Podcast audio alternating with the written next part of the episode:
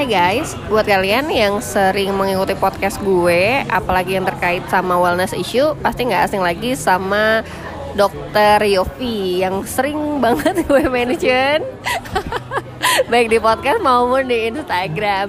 Nah hari ini kebetulan jadwal kita lagi match ya dok ya. Jadi kita bisa bikin episode bersama-sama yang udah gue nantikan tiga bulan dari kemarin gitu. lama ya Bo? Oke, okay, jadi welcome to my podcast Curhat 20-an with Mega Agnesti. Kali ini kita akan membawakan topik mengenai overthink. Tapi sebelum melangkah lebih jauh terkait sama topiknya kita kenalan dulu ya sama dokter Yofi sebenarnya tuh dokter Yofi itu siapa sih soalnya banyak yang kepo dok ke Instagram kayak dokter Yofi ini jadinya nutrisionis atau apa sih kok bisa membantu mengatasi mengatasi mental health issue gitu oke kita kenalan dulu ya Oke, halo, saya Dokter Yofi. Tadi pertanyaan apa? Saya itu siapa? Uh -uh. Saya manusia biasa. Ustazah. Oh, ustaz. Ya, kan dulu pernah cita-cita jadi ustazah. Oh, gitu Cita-cita oh, jadi pelawak juga, tapi waktu itu tidak happening, jadi kepaksa jadi dokter. Oke, okay. emang basicnya aku dokter umum yang ngambil nutrisi karena zaman dulu tuh aku gemuk banget. Jadi yeah. dengan tinggi 156, 156 ya tergantung habis bangun tidur atau enggak biasanya berat aku tuh 70 kilo. Wow, besar ya dulu. Besar banget. Uh. Nah, ternyata aku punya beberapa penyakit turunan lah waktu itu yang membuat aku gemuk. Itu nanti episode episode lain ya tentang yeah. slimming ya. Oke. Okay. Anyway, nah dari situ aku belajar nutrisi uh, karena kebutuhan pribadi. Nah, dari nutrisi ternyata ada yang menarik lagi adalah tentang anti aging. Yeah. Nah, di anti aging ini kita belajar tentang stress management yeah. sebetulnya. Nah, makanya kenapa jadi ngebahas juga tentang stres karena mau sesehat apa pun hidup kita kalau kepalanya kacau balau ya tetap aja nggak akan anti aging, aging aja terus gitu. Jadi begitu loh Mbak ceritanya. Ah oke, okay. jadi awalnya emang dokter umum, nutrisionis, terus pada akhirnya belajar tentang aging dan inilah yang akhirnya mengenalkan dokter terhadap dunia psikologi. Bisa dibilang psikologis nggak sih dok? Ya bisa ya, itu kan mungkin penyebutan ya. Emang kalau kadang-kadang kita bicara tentang ini ranah siapa, ranah siapa, but I think kalau tentang pikiran mental itu ranah semua orang. Jadi nggak harus dokter juga, kecuali kalau yang udah mengancam jiwa, udah dengan obat-obatan, iyalah. Tapi aku pikir sebetulnya orang yang tertarik uh, tentang mental issue, health issue bisa banget ngebantu. Karena gini, kalau kita bicara masalah kesehatan, ini panjang nggak apa-apa ya jadi panjang begini ya. aku kalau udah suruh ngomong bocor. Oke, okay, jadi kalau kita bicara tentang kesehatan mental, kita atau kesehatan pada umumnya kita nggak hanya cerita masalah kuratif atau pengobatan, tapi kita di sini aku masuk ke ranah preventif, preventif, uh, preventif, uh, fungsi, uh, bagaimana caranya kita meningkatkan fungsional, karena orang suka lupa dari sehat ke sakit tuh ada jeda yang besar. Karena kan kalau kita cek oh belum sakit, oh belum sakit, padahal udah sedikit sedikit lagi kegelincir kita masih tenang-tenang aja. Karena misalnya kayak lab kalau tandanya masih belum belum dibintangin oh masih sehat enggak itu udah tanda dong bener nggak sama dengan mental atau health apa uh, mental health juga seperti itu jadi uh, kita banyak ngebahas di daerah situ gitu. Nah kalau boleh nanya nih dok, uh, kan kemarin tuh aku sempat um, mengenal dokter Yofi itu dengan istilah Neuro Linguistic Program. Hmm. Nah sebenarnya itu kayak apa sih dok programnya? Oh, memang kalau aku di di klinik sebetulnya mengcombine banyak hal. Ya. Jadi karena basicnya adalah aku holistik, jadi benar-benar main body soalnya nanti dulu lah ya. Itu itu itu berat itu berat. jadi mind and soul aja. Jadi gimana konektivitas antara mind dan body? NLP cuma salah satu tools aja yang bisa kita gunakan. Jadi toolsnya biasanya nanti akan uh, per orang. Kita akan individual banget tools mana yang akan dipakai berdasarkan anamnesa dulu dan kebutuhannya apa. Oh, oke. Okay. nah kemarin tuh aku kan ketemu dokter Yofi sebenarnya agak nggak sengaja ya. Awalnya mau ngebahas acne ternyata tapi janjiannya itu gimana iya tapi ternyata tiba-tiba dokter Yofi tuh tahu aku ada anxiety gara-gara cakra ya iya, iya, kan iya. nah akhirnya kita ngobrol lah hmm. di pertemuan selanjutnya lebih ngebahas mengenai um, my anxiety gitu kan nah awalnya dok sebenarnya aku tuh mengalami banyak sekali overthink hmm. overthink itu sebenarnya apa sih dok uh, ini langsung pertanyaan atau kita bahas dulu yang lain? Oke. Oke. Okay. Kalau kita bicara overthink ya berarti ya overthinking. Jadi hal-hal yang nggak perlu lu pikirin lu pikirin juga kan gitu kan. Jadi kita mungkin tidak tahu kapan untuk berhenti berpikir atau enggak. Nah ini yang biasanya problem dengan stres. Orang tuh menganggap bahwa ah, stres kita nggak boleh stres gitu ya kata siapa? Kita butuh stres loh. Tanpa stres kita nggak hidup ya dong ya kan misalnya stres apa stres uh, Kerjaan lah. kerjaan deadline atau cuaca itu juga stres. Tidak nyaman itu stres. Tapi kan stres ini bisa menjadi positif kalau ini menjadi motivasi. Ya. nah sama dengan overthinking. Thinking itu bagus tapi kalau over akan menjadi masalah. Kan gitu kan ya? Nah terus terus. Jadi em, overthinking ini adalah apa yang seharusnya nggak kita pikirin kita pikirin. Ya sih kayak aku misalnya nih ya dok ngelihat em, apa namanya ada demo nih eh, di di Demo. Monas gitu. Oh, iya. Karena rumah aku dekat Monas kan. Terus kayak aku tuh berpikir ngapain sih orang mau kayak gitu? Apa sih masalah hidup mereka sampai dia kayak gitu? Background keluarganya tuh gimana sih? Jadi kayak wow hanya karena ngelihat orang demo tuh pikiran aku panjang dan akhirnya lama kelamaan pikiran inilah yang bikin aku cemas dan merasakan hal-hal yang nggak seharusnya aku rasakan. Pasti kita bisa ngerasain overthink gitu. Kalau aku sama teman-temanku nih ya sukanya ngomong gini, lu overthink oh iya pantas karena lu Scorpio. Sebenarnya walaupun nyambung nggak nyambung ya sama zodiak, cuman suka kayak gitu. But anyway kalau di medis kan pasti ada penjelasan ya. Kenapa sih kita tuh bisa overthink dok? Kalau hubungan dengan astrologi aku nggak terlalu apal ya. Itu harus lihat kopean dulu eh, apa namanya eh, black book gue dulu ya atau mbah Google. But memang ada beberapa astrologi yang katanya lebih kepo daripada eh, astrologi lain. Iya mungkin. Kalau kita lihat dari human design ada dari numerologi ada but itu memang individual banget. Tapi kalau dari secara medis mungkin bukan medis ya Eh, kalau medis kan lebih ke penyakit tapi overthinking itu sebetulnya the way kenapa kita keep thinking sesuatu. Jadi kita ngelup di sesuatu ya kan? Berarti kayak tadi dirimu bilang apa? Lu ada di Monas dengan memikirkan apa segala macam itu sebenarnya kalau gue bisa boleh bilang adalah kebiasaan kita eh, dicampur dengan kekepoan dicampur dengan empat kita basically. Jadi sebetulnya kita merasa oh mungkin karena kita juga sebenarnya diajarkan kan untuk eh, ketika kita kecil kan misalnya "Ah, kenapa? gitu kan men- mencari penjelasan kenapa. But sampai ketika kita sudah dewasa nggak semua harus kita tahu kenapanya.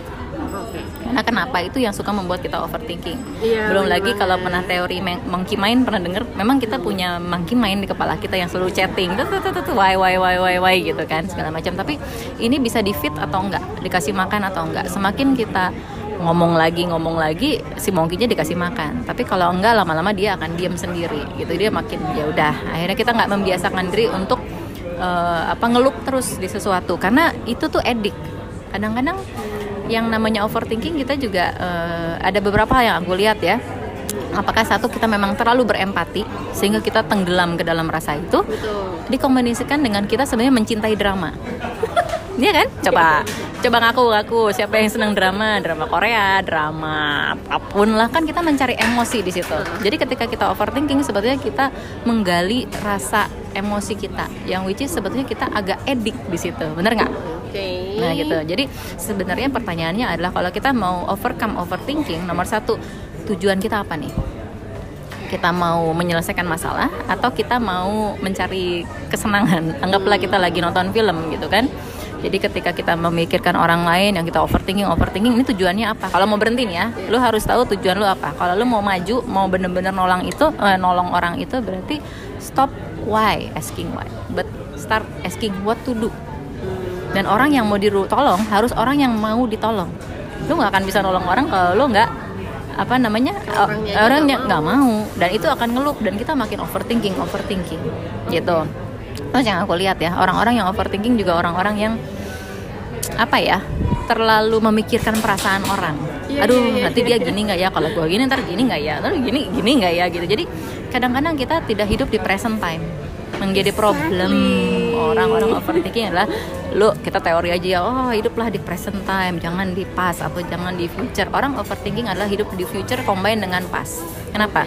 Karena gini kita tuh sering tidak aware. Jadi kita tidak tidak ke dalam kehidupan awareness bahwa oh misalnya gini gue ketemu Mega nih. Gue ngelihat Mega lagi garuk-garuk kalau dia gatel gitu ya. Tapi kalau gue overthinking oh dia gatel karena bosan nungguin gua nih. Kayaknya dia udah kesel nih. Nanti kalau dia kesel dia bakal begini begini begini gitu kan. Jadi dari satu pengalaman lo membuat judgement. Ya kan? Dari judgement lo akan membuat proyeksi. Tahu proyeksi kan jadi lo membuat suatu kesimpulan masa depan dengan berdasarkan data yang kemarin-kemarin setelah lo Oke. membuat kesimpulan Iya, itu iya. ya lo memproyeksi lo akan membuat ekspektasi ekspektasi kan membuat membuat memisah dong antara oh, kalau ekspektasi dia pasti begini dia tidak akan begitu nah lu akan membuat limitasi Ya. Nah, ketika lo membuat begini, masalahnya terjadi dari overthinking. Ketika trait ini terjadi, lo akan membuat kekecewaan. Karena orang itu kan nggak tahu. Kita nggak bisa pegang orangnya ke kiri apa ke kanan. Nah di situ akhirnya ngelup lagi. Lu udah kecewa nanti beranak lagi. Wah oh, begini begini begini begini kayak nggak sih? Padahal orangnya juga belum ada reaksi apa pun terhadap kita ya. Ya kitanya udah jadi dukun. Udah ke depan wah mikirnya begini begini. Akhirnya apa? A B C gitu ya. Padahal hmm. uh, orangnya marah aja enggak. Ya. ya itu yang kadang-kadang membuat orang jadi anxiety. Okay. ya kan? Dari hal yang kecil. Gitu. So what to do belajar mengelau. People please stop to trying control apa ya? Others, others and life. Yes, life yes. Yeah, itu nggak bisa dikontrol. Berarti kita mau coba menjadi Tuhan bener? Ya kan? So aku selalu kalau di klinik akan bilang please biarin aja orang menjudge lu. Emang kalau dijudge mati gitu enggak kan jadi kelaparan jadi kemiskinan enggak kan gitu kan. Jadi judgment is a judgment judgment adalah point of view yang orang bebas banget mau ngapain aja silahkan sebenarnya. Kita tidak akan terpengaruh kalau kita tidak sibuk melawan tidak sibuk mengiyakan gitu. Tapi hanya oh pendapat lu gitu ya? Oke. Okay. tapi gue begini. Lu nggak akan overthinking Okay. Kalau kalau misalnya lu tidak mengelau orang untuk menjadi dirinya sendiri, lu akan mulai overthinking. Kenapa dia begini? Harusnya kan dia tidak begini. Emang gue gimana ya? Terus gimana ya? Itu sering aku alami sih emang. Itu sering banget aku alami. Makanya bisa dibilang ignoran is a bliss. Itu hanya itu karena orang yang ignoran sebenarnya dia lebih less stress ya. ya. So ignoran adalah sesuatu yang harus harus dilatih. Ignoran bukan berarti lu nggak nggak care sama orang, lu care. But di, di, di dalam batasan di mana lu tidak menyakiti diri lu sendiri lo lo bisa banget care dengan orang tanpa mengorbankan diri. Kita kan kadang-kadang suka suka ada hero sindrom ya. Pengen jadi hero hero tuh kan kesannya wah gue mengorbankan diri untuk menolong orang. Wah gitu. Itu kan apa bedanya dengan lo pamrih ya? I see. Jadi apa yang dokter Yofi ceritain sih sebenarnya kayak gue ngerasain banget sih. Kayak dulu gue selalu bikin perumpamaan nih dok di podcast jadi posisinya gue sekarang masih kerja tapi gue tuh kayak selalu berpikir wah gimana ya kalau gue resign waduh tapi kalau nanti gue resign gue nggak punya kerjaan terus gimana? Gue nggak bisa makan gue nggak bisa beli tas mahal gue nggak bisa punya tempat tinggal yang enak. Terus pada akhirnya apa? Nanti gue jatuh miskin terus jadi gelandangan. Nah padahal ini posisinya aja gue belum resign gitu. Not even think about it gitu kan. Tapi tiba-tiba udah punya skenario A B C. Jadi how to stop it adalah apa aja dok? Tadi maaf lupa. Gini, gini, gini. Memang pada akhirnya overthinking adalah per kasus. Kasus yang lu sebut tadi sebetulnya itu ada benernya. Ketika lu mengambil suatu keputusan besar, apalagi tentang pekerjaan, tentang uang, lu memang harus berpikir panjang. Tapi with the not, not with the emotion because itu belum terjadi. Yeah. Nah, yang jadi harus lu batasi adalah ketika lu berpikir panjang, cut the emotion yang di situ dengan cara apa? Memang memang gini kadang-kadang trauma kita memori kita itu ada berhubungan dengan emosi. Itu yang biasanya aku terapi di klinik dengan stress management atau si bars itu yang mengkat emosi ini. Tapi nggak ada yang salah dengan ketika lu berpikir panjang. Yang salah adalah ketika lu melibatkan emosi lu di situ. Okay. untuk hal yang belum terjadi jadi si ekspektasi dan lain-lain itu tadi ya yang harus dihilangkan. Ya uh, uh, lo awareness aja. Awareness adalah berarti lo sadar dengan kondisi apa kemungkinan yang akan terjadi lu sangat boleh. Karena kita kan manusia dengan punya akal dong. Yeah. tapi bukan terjadi lu akan menjadi gitu belum apa lu udah ketakutan terus lu jadi panik jadi apa kan enggak. Sama dengan hal-hal yang di belakang. Hal-hal yang di belakang sudah terlewat. Itu kan jadi pelajaran lu. Jadi jangan lu tiba-tiba jadi keinget lagi yang di belakang. Oh gue kemarin waktu itu sempat nggak punya duit sempat gini. Itu kan kemarin. Nah pelajaran yang sekarang gimana? pengalaman masa lalu ya ternyata. Ya, pengalaman masa lalu membuat judgment membuat proyeksi proyeksi yeah. ekspektasi ekspektasi menjadi separation terus limitation. Yeah. limitation. Nah itu yang terjadi ya orang akhirnya paniknya di situ nah kemarin tuh juga ada nih dok dari followers yang kirim DM gitu kan. Kak aku tuh cemas. Apa yang kamu cemaskan?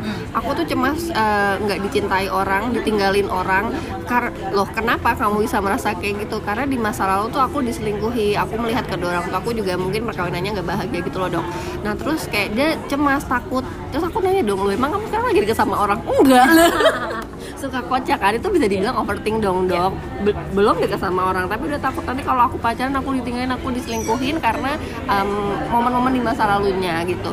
Ketika kita menghadapi situasi seperti itu gimana sih caranya mengontrol pikiran kita biar ya udah ini tuh udah terjadi udah lalu sekarang gue nggak ada yang ngedeketin tapi gue pengen memulai hubungan. Cuman kok gue takut ya? Nah takutnya ini loh dok. Gimana sih caranya untuk nggak nggak atau ya gimana ya? Untuk menghadapinya lah ya aduh. Uh, diselingkuhin binder. Dan net ya please deh. Aduh. Jadi curcol ya? Gini diselingkuhin wajar. Sebenarnya gini loh. Masalah kita mesti kembali lagi ke dasar fitrah manusia. Kita itu sebenarnya balik lagi ke judgement proyeksi ekspektasi.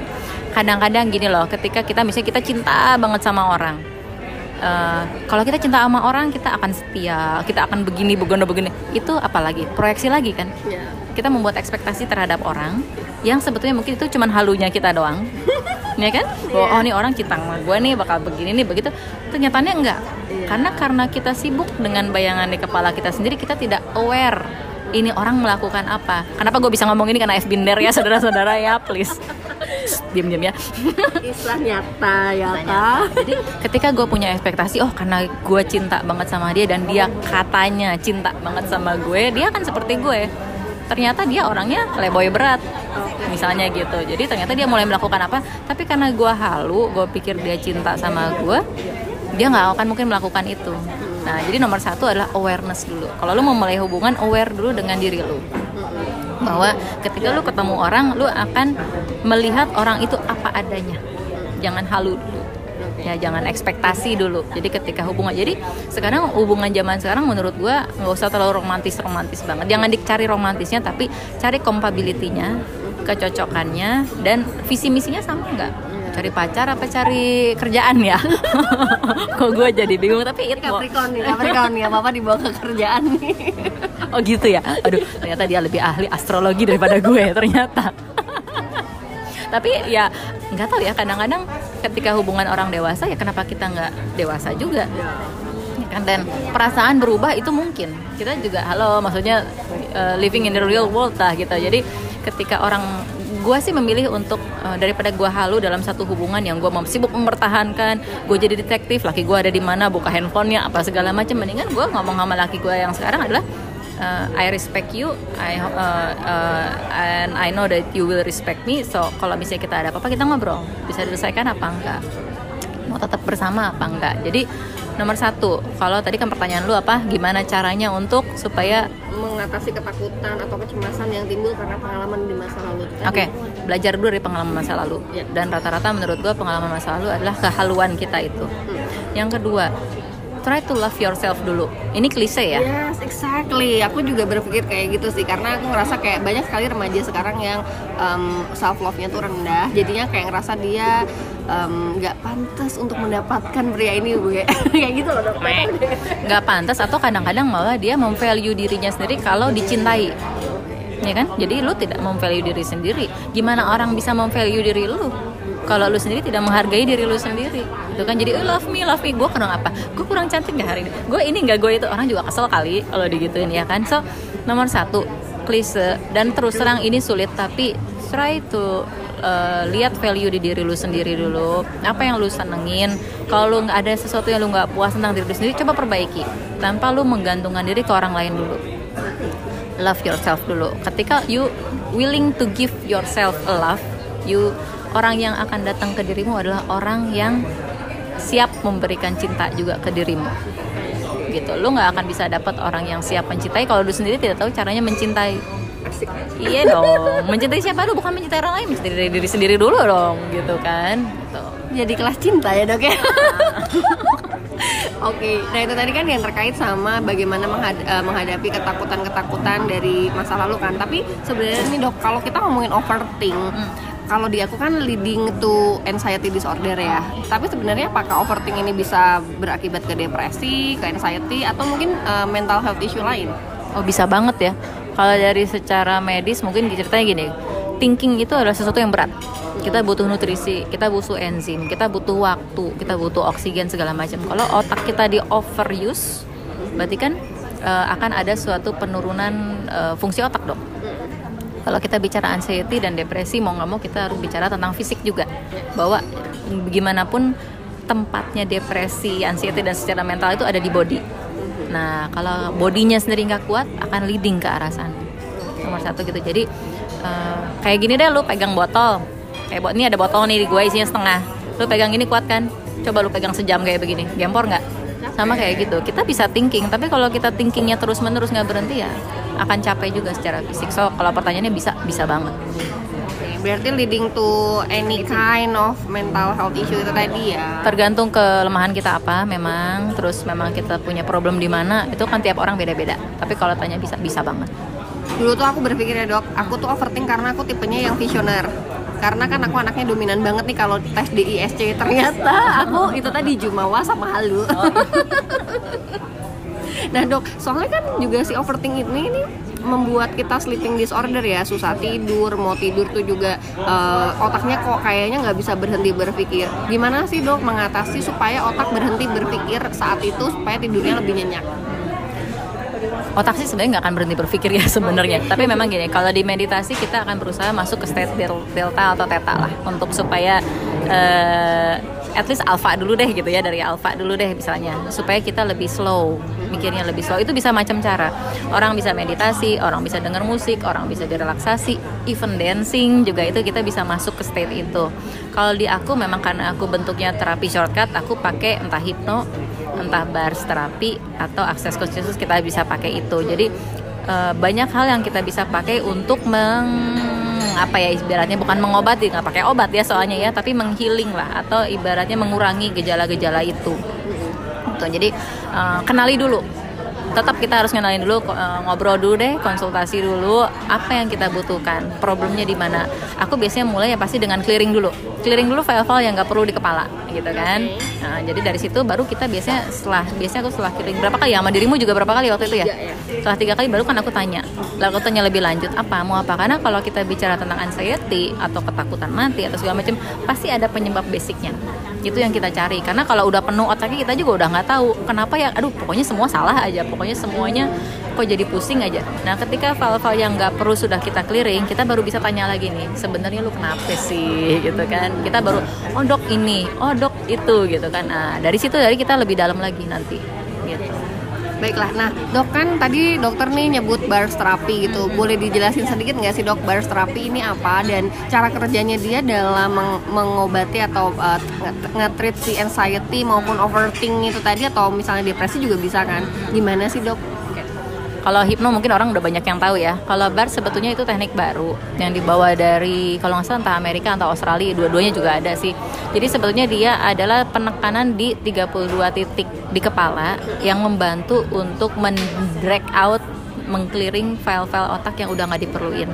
Jadi kalau di penelitiannya aku ada penelitian awal-awal dari terapi ini memang rata-rata setelah terapi 80 sampai eh, 70 sampai 80 persen gejala anxiety dan depresi sangat berkurang. Kalau dilihat dari spek otaknya, jadi cara kerja otaknya setelah diterapi memang otaknya jadi kerjanya lebih bagus.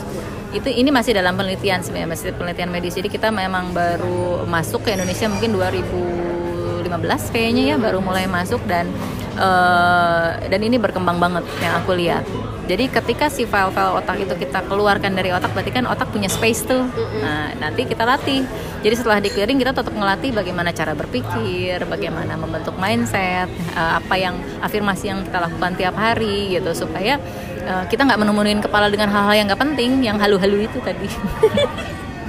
nah, um, selain dengan apa ya meng mengontrol diri sendiri untuk nggak overthinking terus ada bars terapi juga. Aku tuh suka kalau dokter ngasih masukan terkait sama makanan kayak makanan itu kan sumbernya kita untuk mendapatkan hormon bahagia ya dok. Nah untuk orang-orang yang overthink ini gimana sih jaga makannya atau jaga pola tidurnya atau lifestyle kah atau off, uh, work workout apa sih? Olahraga. Oke okay, oke. okay banyak sih ya.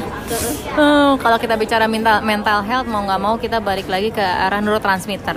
Ada serotonin, ada dopamin, ada oksitosin. Nah, nanti searching sendiri ya tentang hal-hal itu karena kita kan uh, berhubungan dengan uh, makanan. Karena semua itu harus dibentuk dari makanan.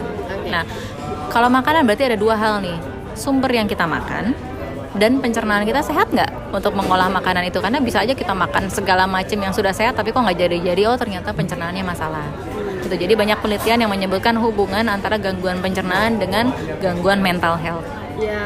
sudah ada tuh penelitiannya. Jadi lihat dulu kalau lu memang sering kembung susah BAB sering diare mah dan segala macam jangan harap lu punya mental yang sehat gitu. Karena lu akan terganggu. Karena perut itu kan second brain Sementara semua hal yang diperlukan oleh kepala dibentuknya oleh perut. Nah, kalau perut lu sendiri nggak bisa supply ya kepala ya ya nggak akan bisa sehat juga gitu. Defisit juga ya. Mm-mm. Jadi kalau makanan sebetulnya basically aku tetap gini deh nggak usah terlalu heboh-heboh dulu wah ini itu ini itu nomor satu pastiin dulu makanan lu adalah makanan yang real food jadi bukan makanan yang dalam plastik kotak kaleng fast food botol apa segala macam itu enggak terus yang kedua mungkin jauhin tepung ya saudara-saudara tepung bukan makanan tepung itu sesuatu makanan yang diolah menjadi suatu bentuk yang lebih mudah dimakan tapi nutrisinya sudah hancur sehingga ditambahkan nutrisi buatan Berarti roti-rotian gitu nggak boleh. sebaiknya jangan. Aduh maaf ya perusahaan roti ya bukan nama Diminimalisir ya. di minimal dulu nanti gue di ban lagi ya. But anyway maksudnya gini kita kan lagi bicara makanan yang baik. Kalau memang kita bicara tentang kelaparan apa segala macam itu beda cerita ya. Nanti bicara tentang kebutuhan mau nggak mau kita mesti masuk ke real food story. Jadi uh, kalau untuk kalian yang sudah concern dengan kesehatan, you are what you eat. Ya. Itu benar, gitu ya. Jadi lu mesti cari makanan yang real supaya badan lu bisa mencerna. Kalau lu cuma nyari kenyang boleh terserah makan apa aja deh. Tapi kalau lu cari yang bisa ngebentuk ngebantu badan lu, lu cari mesti real food yang bisa diolah. Kalau makanan lu nggak bisa diolah sama badan, itu cuma nanti disem- disimpan di tempat menyimpan racun di badan. Yaitu di mana? Di lemak makanya gitu. banyak orang gendut ya kalau makin lama ya. makin banyak orang gemuk gitu nanti ya jadi toksin yang beredar di darah biasanya kalau lu makan juga makanan yang banyak pengawet yang banyak toksin yang banyak logam berat nah ini juga bisa menyarukan mental bisa membuat masalah di mental karena logam berat itu nyaru sama e, mineral biasa dan dia bisa terbawa di otak sehingga mengganggu otak makanya kan sekarang banyak muncul e, special need child gangguan-gangguan e, pola pikir apa segala macam ada penelitiannya yang menyebutkan oh ada hubungan dengan logam berat yang ada di dalam badan. Jadi kita mesti detox juga gitu. Nah, makanan sehat ya udah real food semua makanan bagus. Kalau ditanya makanan apa yang paling bagus nggak ada yang paling bagus semuanya bagus. Tapi kita harus seimbang gitu. Memang ada kebutuhan sih misalnya serotonin butuh apa dopamin butuh apa tapi bener nggak lu butuh itu? Gitu itu dulu I see. Jadi kalau makanan sih menurutku juga lebih personal ya dok. Cuman uh, first thing first adalah makan dari raw food atau tadi kalau dokter nyebutnya apa? Real food. kadang-kadang raw juga nggak semua orang kuat raw loh karena mungkin nggak punya enzimnya raw food berat untuk dicerna jadi kalau memang orang yang punya gangguan pencernaan justru aku nggak saran raw food dulu tapi yang ada dimasak dulu sehingga lebih mudah dicerna gitu Oke, pertanyaan terakhir nih dok. pertanyaan terakhir. Pesan dokter untuk orang-orang dengan overthinking. Apa sih dok? Kok apa sih dok kan? Apa sih dok pesan dokter untuk orang-orang yang overthinking? apa ya beren- satu berhentilah mencoba menjadi hero untuk orang lain yang kedua berhentilah mencoba mengontrol dunia yang ketiga love yourself dulu dengan cara mengenali diri terus hargai dirimu value dirimu sendiri apa yang lu butuhin lu berhak kok untuk dapat itu. Terus apalagi ya overthinking ya? Hmm, eh gini dengan lu overthinking lu nggak akan menyelesaikan apa-apa. Karena mau nggak mau kita butuh overdoing sebenarnya kayaknya. Ya kan? Thinking ya cuman di kepala lu kalau lu tidak menjadi tidak meng, apa eksekusi menjadi suatu hal yang nyata lu nggak ke mana-mana. Lu nggak nolong orang lu nggak nolong diri lu sendiri ya di situ aja lu ngelup di situ lu hidup dalam dunia halumu itu. Iya betul betul betul. atau kita nyebutnya pico world kalau di kita ya. Jadi event alam event Tuhan juga tidak akan membuat itu jadi kenyataan karena itu hanya dalam pikiran lu. Lu nggak pernah minta nggak pernah apa lu mikir aja terus mau ke mana. dijalanin dan nggak anyway. dijalanin juga gitu Oke dok, thank you so much untuk sesi kita hari ini. Nah kalau teman-teman masih punya pertanyaan, kirim DM ke Dokter Yofi ya, at dr underscore Yofi y o v i Victory I. Nah kemarin tuh banyak yang nanya juga nih, Dokter Yofi sebenarnya prakteknya di mana? Aku bilang sih ada di klinik Hang Lekir ya, betul ya? Hang Lekiu bacanya. Hang Lekiu. Jadi kalau kalian tinggalnya di Jabotabek sih bisa diakses atau di MDM dulu sama Dokter Yofi untuk konsultasi ya, gratis loh guys. tenang aja Oke, gue sih berharap ya nanti kita bisa ketemu Dokter Yofi lagi untuk uh, topik-topik lain. But for now, kita pamit dulu. Happy Saturday. ya good night